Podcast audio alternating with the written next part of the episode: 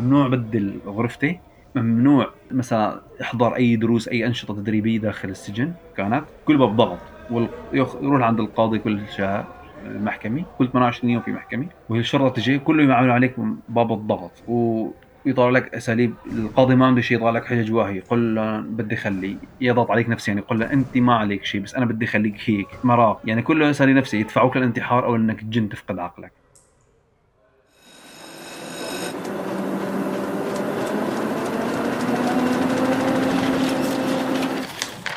عنب بلدي. بودكاست.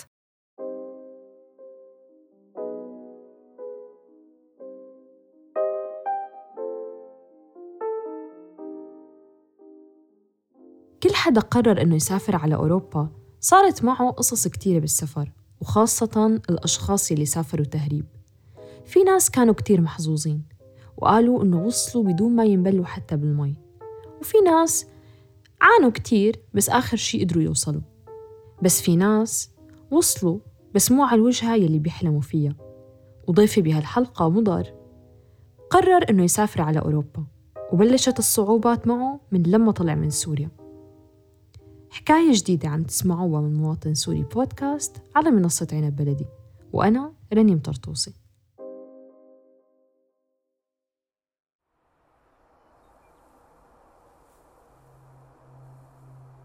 بالأول أنا دخلت طبعا أنا ساكن في شمال سوريا دخلت عن طريق الحدود تهريب إلى تركيا الكلام ب 2014 فمن تركيا كانت وجهتي إلى أوروبا. فأنا دخلت اولا حاولت دخول من تركيا إلى اليونان عن طريق البر مشي. بعد ما سير على الأقدام عدة كيلومترات جاوزنا نهر ومشينا. بعد ما دخلنا الأراضي اليونانية بمسافة تقريبا 20 كيلومتر ضمن الحدود صرنا رسميا ضمن اليونان. فتم إلقاء القبض علينا.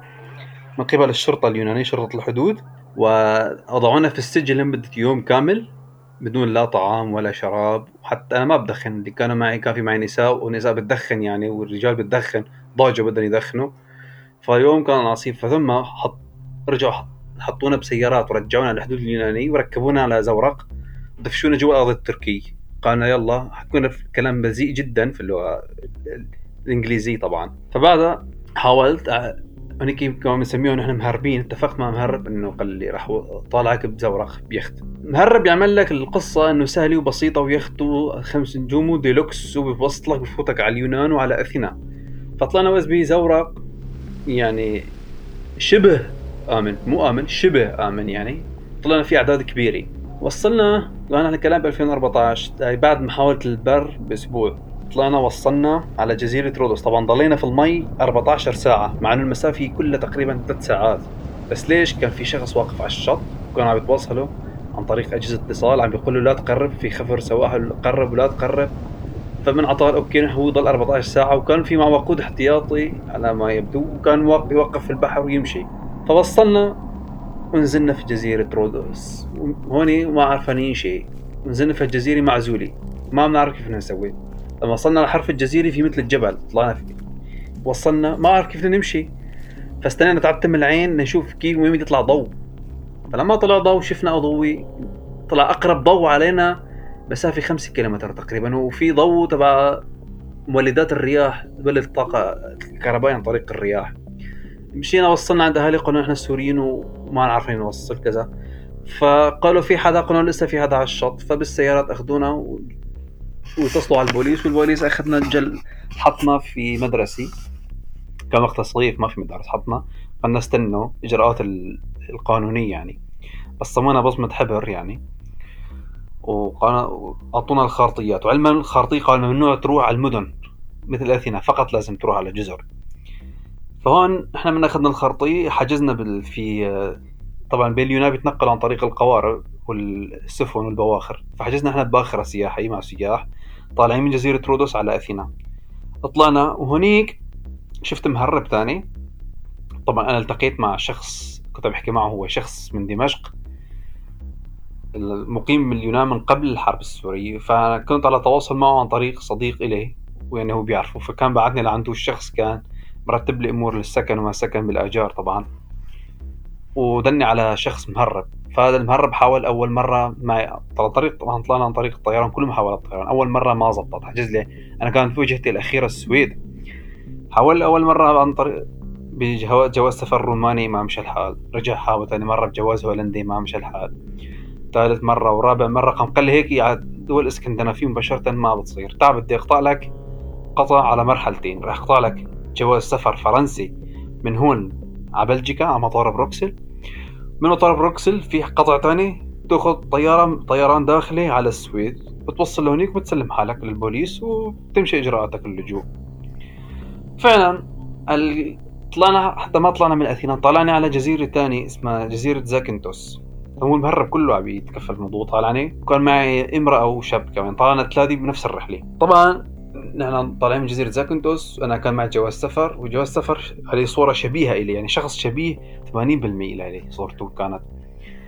فنحن الثلاثة مسكنا في كنترول على باب الطيارة فأخذونا الثلاثة على التحقيق. أنا حافظ كلمة فرنسي ودققوا على الجواز وجاوبتهم بالفرنسي تركوني. الشاب والبنت اللي كانوا معي عرفوهم كشفوهم قالوا ألفون الصور ملعوب فيها وهاي صورة منضافة أما أنا ما أحس إنه يثبت لأنه الصورة مي ملعوب فيها صوره من الأساس جاي وشبيهة. فطلعت في الطيارة وهالكلام إيمت كان كان في تاريخ 28 7 2014 كان يومتها يوم أول يوم بعيد الفطر السعيد كان. طلعنا تقريبا بعد الظهر دخلت من هونيكي وصلت هون بال... كان الوقت مع المغرب يعني هون. والأمر العجيب والغريب إنه أنا مكتوب الطيران على مطار بروكسل. واذ بيوصل على مطار مو بروكسل الأساسي مطار بروكسل الثاني. أول ما وصلت فكان الطيارة على ما يبدو مخبرينهم إنه هذا شاكين باليونان إنه في شخص شاكين فيه. فخلونا ننزل الطيارة تنزل بمحل وخلونا نعدي من ممر ضيق. ضيق كثير يعني بدي يمر شخص ورا شخص. فلما اجى الدور لعندي اجى شرطي في في المطار حط إيده على كتفي قام قال لي your passport فأنا أعطيته الجواز قام قال لي come with me يعني بال English تعال معي. جيت معه. فأنا ما نعرفه قال لي أنت تعرف حالك وين هلأ؟ فصار يحكي معي فرنسي. أنا فت في الحيط لبكت ما بقى أعرف أحكي كثير فرنسي. قام قال لي شلون أنت معك جواز سفر فرنسي؟ وما بتعرف تحكي فرنسي. قال لي هون بلجيكا نحن أنا ما بعرف شو بتحكي بلجيكا ولا كان عندي فكرة عنها ولا تصور. بسمع عنها بس فقط عن طريق المسلسلات وفرق كرة القدم. عن طريق المشهورة بالشوكولاتة وما شوكولاتة. فوصلت هون قال لي هذا جواز مو لك الي مالك قال لي من أين أنت؟ ضغط طبعا حط حطني بغرفي وسكر علي. وقال مع عمليه تفتيش. قال لي ما في مجال. أنت مانك فرنسي. إيش أنت جزائري ولا مغربي ولا سوري؟ بس عرفني سوري. قال لي أنت سوري. رجع قال لي أنت سوري وجاي من سوريا. وطلعت من تركيا. على اليونان عم بيقول لي الرحلة هيك بالضبط كأنه عرفان يعني. هو عرفان هو عم هيك أنا سكت. قام حطني مفتش أنا كنت حاطط الباسبور السوري مخبيه. مخبيه مع إني حاطه جوا بيجما وحاطط البيجما ملف يعني عامل أربع خمس طبقات. قاموا قطعوا لي ثيابي كلياتهم حتى وصلوا للجواز السفر تبعي. قاموا طالعوا. قال لي ها انت سوري. قال في حق لك تتصل بشخص أنا هون بعرف شخص في بلجيكا اتصلت معه قلت له أنا مسكت في المطار وبدهم يبصموني ما خلوني أروح كمل على السويد. وبنفس الوقت اتصلت على المهرب قلت له أنا مسكت وما فيني أكفي. والرحله راحت. فقال لي ماشي هون حطوني وأخذوا اغراضي وكل شيء معي وهواتف وكل هالشيء وصار التفتيش. أخذوا مني كل شيء معي وثائق صور كل شيء بيعملوا معي كان فلاشات الهاتف كل شيء أخذوه.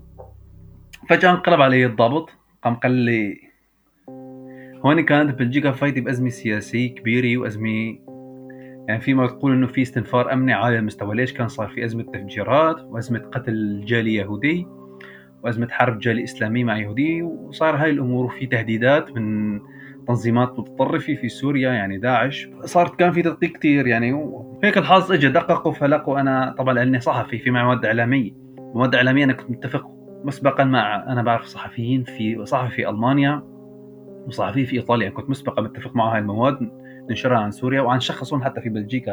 انه بتنتشر بنحكى إيش في عم بيصير في سوريا ومنه بتجيب مردود مادي بتعوض تكاليف الرحلة تبعيتي. والمواد طبعا شايفينها وهني وتم الاتفاق عليها وأنا أخذتها معي بفلاشي. يعني بناء على اتفاق مسبق. طبعا هني ما رادوها إنه تكون يوتيوب ما يوتيوب مثل دقتها مثل ما هي ليش؟ عشان تكون دقة واضحة كثير تنعرض بتصير اجزاء ما تكون محملة على اليوتيوب ومبعوثه عن طريق برامج الإنترنت يعني. لأنه بدها حافظ على دقتها. فقال بدنا نحجزك على ذمة تحقيق لمدة 12 ساعة. ليش؟ قال في تحقيق إجراءات بسيطة. رحت على التحقيق شو اسمك أنت؟ قلت له أنا اسمي. قال اسمك الحقيقي ما اسمي الحقيقي كذا. فهو قال لي بدك تنام الصبح بدنا نعرضك على قاضي التحقيق. فحطوني منفردي. طبعا المنفردي بيكون عبارة عن غرفة صغيرة مترين متر في المطار. فيها تخت والتواليت جنبك وقنية مي. وما في لا غطاء ولا شيء بتنام عليك. صار عامل مثل السرير وخشب بتنام عليه. فعرضوني على التحقيق قال شو جاي تسوي هون؟ قلت له أنا ما لي أي هدف في بلجيكا أنا رايح على السويد. وأنا اثبتت له إني متواصل مع ناس وعندي أنا كنت محاول أطلع السويد فيزا دراسية. قلت له هاي فيزا دراسية. وصار يسألني كيف جبت المصاري مين مولك؟ تمويل مجموعات متطرفه إسلامية. طبعا في مترجم هذا الحكي هون قلت له لا مجموعات إسلامية هذا تمويل مني من عملي تمويل جزء من أهل الأصدقاء. فهون دخلت الأمور منحى ثاني قام قال لي أنا بدي أتأكد من الحكي بدي أحجزك خمسة أيام على التحقيق. قلت له ما في يعني شو أنا ما عارفان في القانون. قلت له بدي محامي. المشكلة واللي صعب الأمر إنه هن بحطوا لك محامي من عندهم. والمحامي اللي اللي بحطوا لك إياه بيكون بشد معهم بيساعد الدولة أكثر ما يساعدك لأنه محامي عن الدولة بتدفع له مصاري. فقالوا لي إنه كثير ناس لو إنك حاطط أنا بعد ما طلعت وكذا لو إنك حاط محامي أنا ما بعرف وجايب انت محامي حسابك الشخصي فلوسك الشخصية كانت قضيتك بشهر شهرين انحلت وطلعت. استغل وضعك ما إنك عارفان شيء. فهون بعد خمسة أيام عرضونا على محكمة هيك بتحسها محكمة هزلية إنه نحن لقيناك وهيك وعنده معلومات بدنا نتأكد منها. نحطك على تهمه الحبس الاحتياطي اسمه. يعني مثل عندنا في سوريا بسموه الحبس الاحتياطي حتى هون موجود. طلع فكرت أنا بس بالدول العربية طلع عندهم اسمه الحبس الاحتياطي إنه قال قد تكون عندك أهداف قد تكون لك علاقة مع أشخاص في بلجيكا قد قد يعني كله مبني على كلمة قد. بعد خمسة أيام رحنا على المحكمة وقلنا لك إنه هيك صار فقالوا لمدة شهر. طبعا الشهر بحطوك. بالقانون الشرطة ممنوع تشد تاخذك على بقول هيك القانون يعني ممنوع كل شهر تاخذك كذا مرة وتحقق معك لازم هي تروح تعمل الادله لأنه أخذك على التحقيق والضغط عليك يعتبر اعتراف تحت ضغط غير معترف فيه. طبعا الحكي كله ما اخذ فيه. يأخذوني كل شهر بيجي 10 ساعات تحقيق متواصله حققوا معي من يوم اللي ما ولدتني أمي لحد ما حطيت رجلي في مطار بروكسل. كله أسئلة. مين وكيف؟ الغريب في سوريا كان يقول لي أنت متعامل اعتقلوني أول ثوره قالوا أنت متعامل مع جهات خارجية. جينا أنا أوروبا قالوا أنت متعامل مع جهات داخلية في سوريا. كل واحد بزتني له اتفقوا متعامل مع جهات خارجية ولا جهات داخلية؟ إيه وصار التحقيق على كيف وشلون؟ وليش سويت؟ ومين؟ ومين ضد الأسد؟ ومين مع الأسد؟ ومجموعات الإسلامية كيف تجيب تمويلها واللي بيروح من هون كيف بتجندوا ومين بيجندهم؟ ومين بيجيب التمويل؟ وعلى كيف؟ وعلى شلون؟ وكيف صرنا؟ وكيف حطينا؟ أسئلة جيبوا لي صور. مين هذا القائد؟ ومين هذا المقاتل؟ ومين هذا؟ ومين هذا؟ ومين هذا؟ أنا أقول لهم ما بعرف ما بعرف ما بعرف. أنا ما بعرف. أنا ليش طلعت؟ أنا عندي مشاكل مع داعش. علما انه طلبت منهم يفتشوا حساب الفيسبوك فتحوا حساب الفيسبوك وشافوا انه في تهديدات من ناس من تنظيم داعش لإلي وأنا كسبب رئيسي تركت سوريا من وراهم طبعا إضافة للنظام الأسد يعني. في رسائل تهديد واضحة من ناس من منطقتي بيعرفوني وأنا حكم من عملي الإعلامي والصحفي. بعث لي إنه حتى حاولوا كذا مرة يضربوا علي رصاص وفجروا لي مركز الإعلامي اللي كنت في لما كنت في سوريا في بلدي. شافوا كل الادله ما اعترفوا فيها. ولا أخذوا فيها. هون بعد بشهر بيعتقلوا سوريا ثاني نفس القصة جاي تهريب من اليونان بيعتقلوا نفس السبب تحقيق. شخص سوري من مدينة الرقة. كمان لنفس السبب. بلاقوا عنده مواد هذا كمان ناشط إعلامي بلاقوا عنده مواد إعلامية. كمان بعد ما اعتقل بعد ما اعتقلوا الشاب السوري بشغلة 10 أيام كمان شاب سوري مع إنه جاي بإقامة نظامية يونانية. وكل شيء. ملاقين عنده أربع صور بالغلط بالغلط لناس ميتين في جهازه. كمان حبسوه وصار سين وجيم. وعلما هذيك المنطقة اللي سجنت فيها معروفه بشدتها الامنيه كان فيها قاضي يعني مثل عم يبحث عن شهرة وبيمسكه علما بعد ما طلعت أنا سمعت إنه كمان يعني بالأخبار شفنا إنه اعتقل عراقيين بالكامبات واعتقلوا كثير كله بتهم إرهاب إرهاب إرهاب يفتحوا ملفات إرهاب. فهذا هيك أي شغلة يجي بيحط كل إرهاب ياخذ معلومات ويزت الواحد. فبعد التحقيقات أنا ما لقى شيء طالعوني لما عرفوا إنه ما لقوا شيء إنه اتهم ارهاب ارهاب قام حولوا القضية لقضية إنه أنا قال داخل بدون تأشيرة وداخل بجواز سفر مزور. علما بالقانون إذا أنا داخل بدون تأشيرة وجواز سفر جواز سفر فهذا الشيء دوليا إنه كلاجئ حرب ما في أي مشكلة. في حال بدهم يحاسبوني على جواز السفر فالمفروض السلطة اليونانية هي اللي تحاسبني مو السلطات هون. فتم فبركه الموضوع وتغطيته تحت مسميات إنه انه جاي بدون فيزا ويعني مثل إنه تبرير للسجن بس ولكن هو مو تبرير منطقي.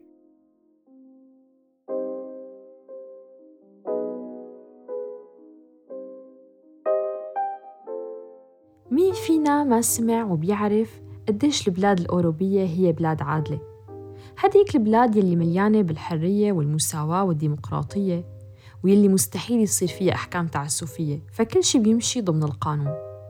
وحتى السجون اللي هنيك تعرف بأنها من أفضل سجون العالم. ولما كنا نشوف صورها على ال social media كانوا كتير ناس يعلقوا إنه بيتمنوا إنه يعيشوا هنيك بقية حياتهم. على الأقل بتضل أحسن من بلادنا العربية. بس تجربة مضر بالسجون البلجيكية بتثبت لنا عكس هذا الشيء. فهو قضى فترة كبيرة بالسجن على الرغم من أنه ما قدروا يثبتوا عليه جرم معين.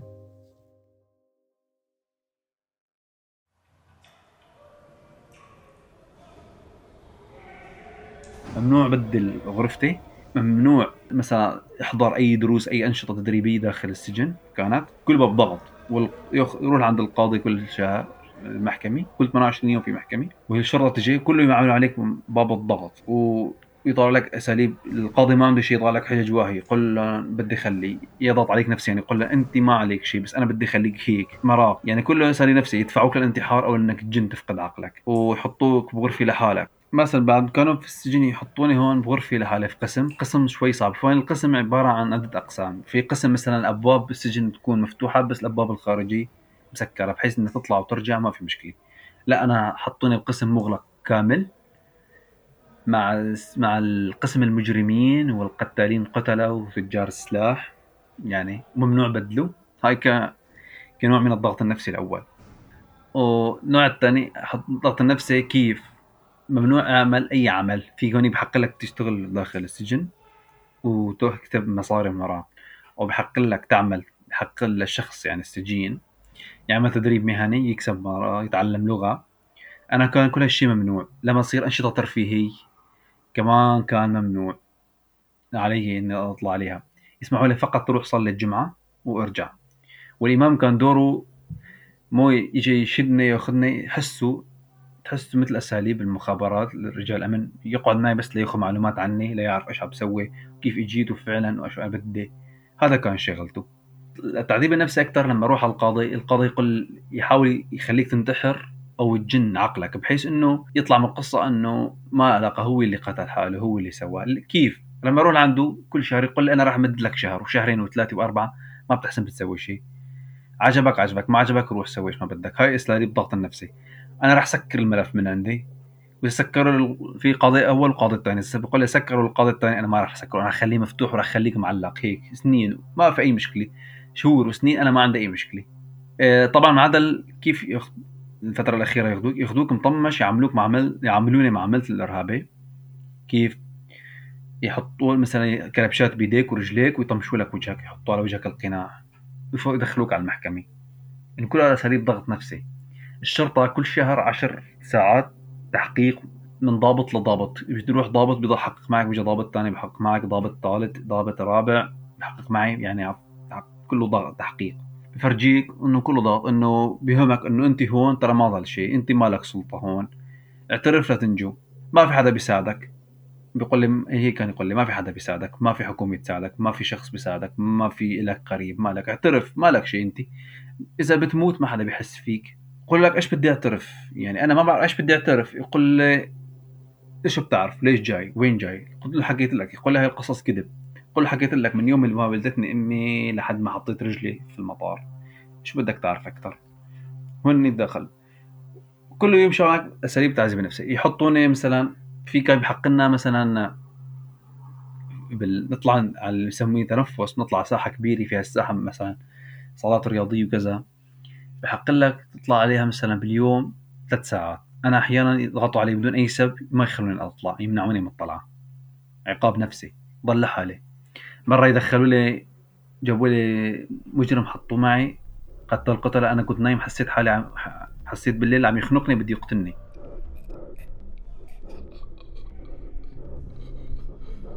كان طفيان جايبينه كان أخذ كوكايين.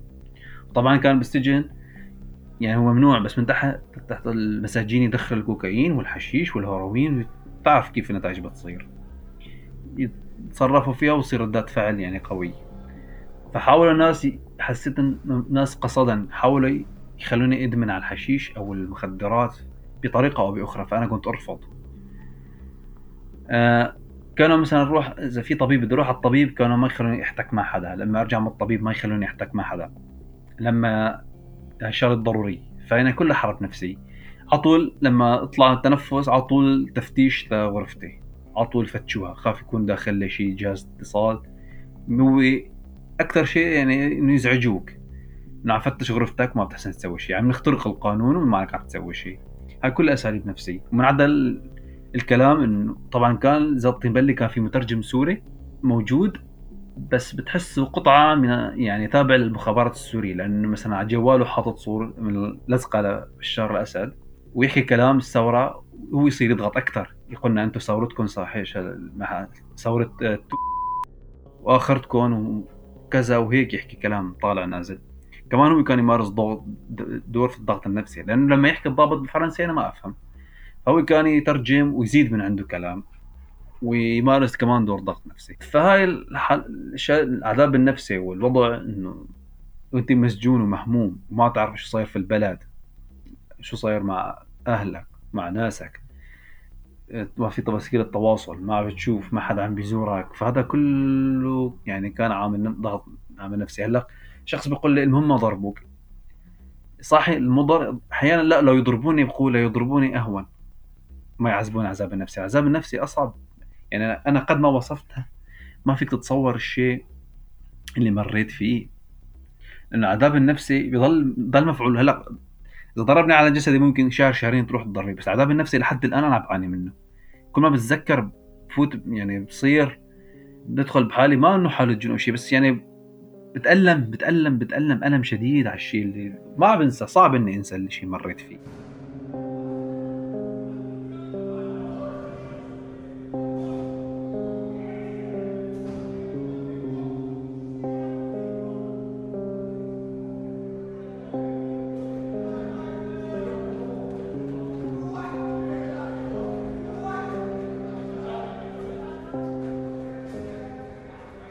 طبعا هون نظام السجن ما بي ما في الشرطه ممنوع تفوت تحرس السجن بيكونوا حراس تابعين لمؤسسة أمنية يعني اللي تابعة للدولة مو الشرطة مو شرطة يعني الشرطة مو مثل نحن في سوريا مثلا في الشرطه هو اللي بيحرس السجن لا اني مو شرطة هن عبارة عن رجال شغلتهم حراس سجون بيدرسوا الدورات التدريبية بيعملوا يعني ما علاقة يعني مو ما أي صلاحية أمنية فقط الحفاظ على أمن السجن.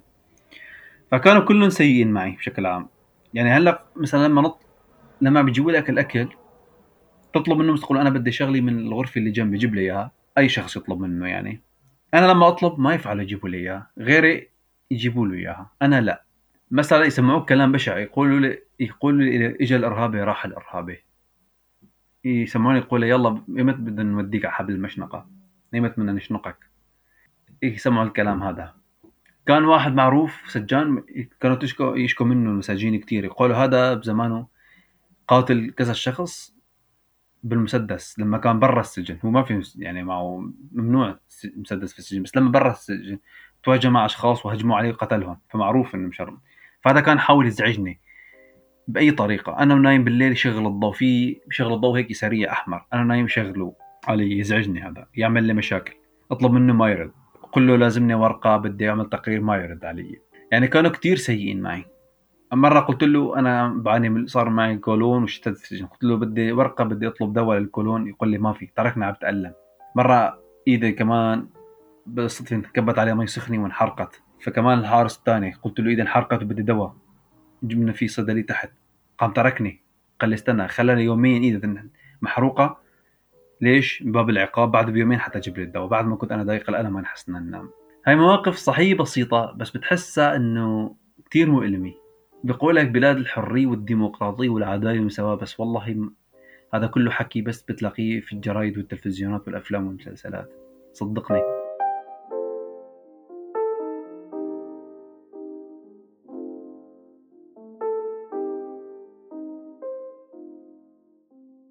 بعد ما مر حوالي العشر شهور ومضر لساته بالسجن قرر إنه يستأنف. حتى مع إنه ما كان متأكد إنه الاستئناف ممكن يجيب نتيجة بس قرر إنه يخطي خطوة لعل وعسى تكون خطوة بطريقه للخلاص لما عملت استئناف هلا بعد عشرة أشهر أنا المحامي ما كان يخليني أعمل استئناف يقول لي مو لصالحك تاري عم يكسب الوقت بدي أنا في السجن كرمال القاضي فأنا. في شخص كان معي جزائري هو وعنده تجربة بالقضاء وبالمحاماة هو يعني مسجون في سبب خلاف عائلي مع زوجته. فقال لي اعمل استئناف. فعملت استئناف في هون محكمة الرئيسية في العاصمة بروكسل بتعمل كنت يعني فحص تدقيق على الأشخاص الموقفين تحت الحبس الاحتياطي بيشوفوا ليش موقفين؟ فأنا عملت استئناف. قبل ما أروح الاستئناف رايح لهاي المحكمة. فالمحكمة على ما يبدو ضغطت على القاضي قالوا له هذا 10 أشهر من دون شيء. الملف هو هو عم بتزيد عدد الصفحات والورق على فاض على شيء فاضي.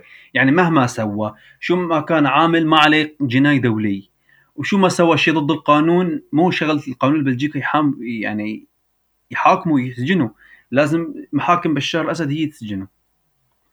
مو نحن. مو شغلة القانون البلجيكي. فقال فعمل اخترع مثل قانون جديد هو على ما يبدو. قال لي رح نطلق سراحك بس ولكن ملفك ضل مفتوح. مقابل إنه كل شهر في شيء اسمه دائرة القصر العدلي. كل شهر بتراجع بتشوف إيش في ملفك بتطلع.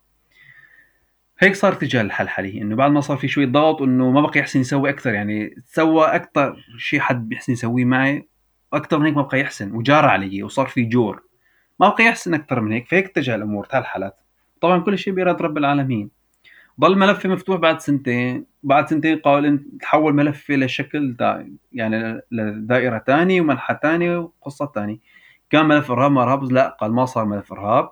لما رحت على المحكمة هيك حكوني ملفك ما له علاقة بالإرهاب ملفك له علاقة بالتزوير ونحن سجناك لأنك مزور أوراقك. هاي بعد طبعا ما طالعوني بجيب سنتين رجعوني وقال أنت قعدت بالسجن 10 أشهر لسه شهرين كملهن رجعوني على السجن مرة ثانية كملت الشهرين طبقت السنة حتى تركوا لي ملفي وخلصت. وليش يعملوا تبرير للسجن اللي حطوني فيه. أنا سجنت 28 7 2014 28 5 2015 تم إطلاق سراحي آه، أعطوني ورق قالوا لازم تروح على دائره الهجرة واللجوء في بروكسل تطلب اللجوء. أنا طبعا هون لما كانوا بصميني في المطار أول مرة أعطيني رفض. لأنه ليش؟ شافوا إنه أخذوني الشرطة أعطوني رفض. لأنه أنا ما كنت موجود وقت تسليم القرار. فبعتوني على الدائره واعطاني في قاضي لا غير قاضي التحقيق. اعطاني ورقة قال لي بتروح تقدم لجوء هنيك وأنت ممنوع. أي دا أي دولة بدك تعمل فيها لجوء بدك ترجع لعنا يرجعوك لعنا لأنه القانون بيقول لك أول رجلة أول دولة حطيت فيها إجرك في اوروبا لازم تعمل فيها لجوء. بس أني بصمت غير دولي برجعوك بنعمل لك مساءله قانونية نحن خبرناك. فمثل نوع الضغط إنه لازم تضل في بلجيكا ضغطوا علي.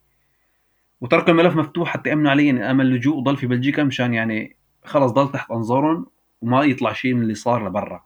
كثير تفاصيل ومعلومات. فأخذت ورحت فدخلت دائره الهجره واللجوء عملوا لي ملف وكذا.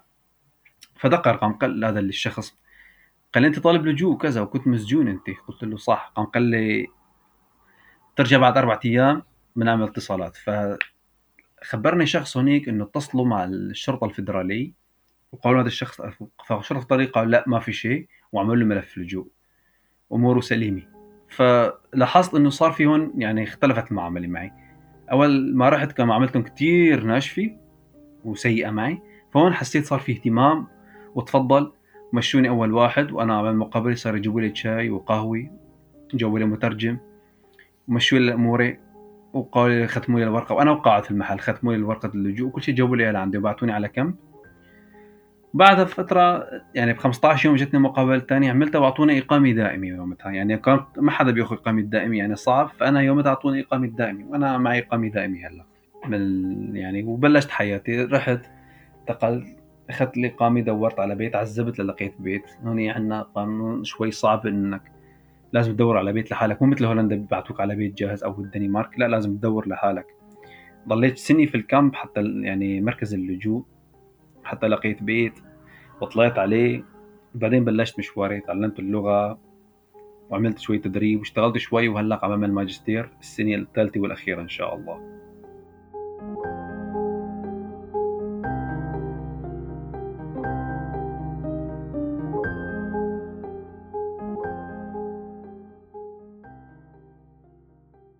إن شاء الله لما أخلص الماجستير لما اخذ الشهادة راح أقدم على الجنسية مبدئيا يعني. خطتي في الأيام إنه إن شاء الله راح ألاقي عمل في مجال التعليم في مجال البحوث والدراسات التعليمية يعني إن شاء الله. حاليا أنا ارتبطت فتى يعني بلجيكي من أصول عربي طبعا وقريبا الزواج راح نتزوج ونعمل أسرة طبعا هون. ولبينا ما تفرج على بلادنا يعني الوضع في بلاد عم نشوفه مع الأسف الشديد يعني. طبعا أنا ماني مبسوط لأني هون. معنى إنه بضل بحس إنه في شيء ناقصك حياتك في الغربة ما في شيء مثل البلد. يعني أنا بكذب عليك إذا بقول لك ما بحل البلد بحل البلد كل دقيقة وكل ثانية وكل لحظة. ودائما أتواصل مع البلد وأهل البلد عبر الفيسبوك والواتساب. يعني في حال سوريا إنه الوضع صار أحسن وصار في أمان وصار في مقومات العيش بدي أرجع على سوريا.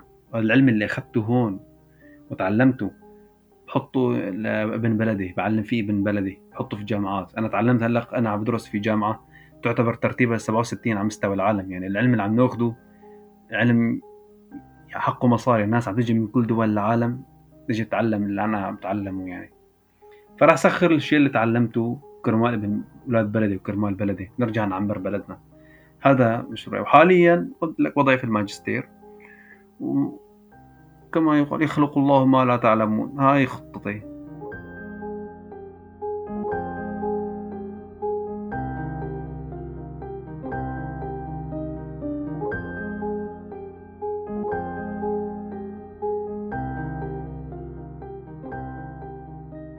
شاءت الظروف وما قدر مضر إنه يتعرف على وطنه الجديد بلجيكا بصدفة أحسن من هيك.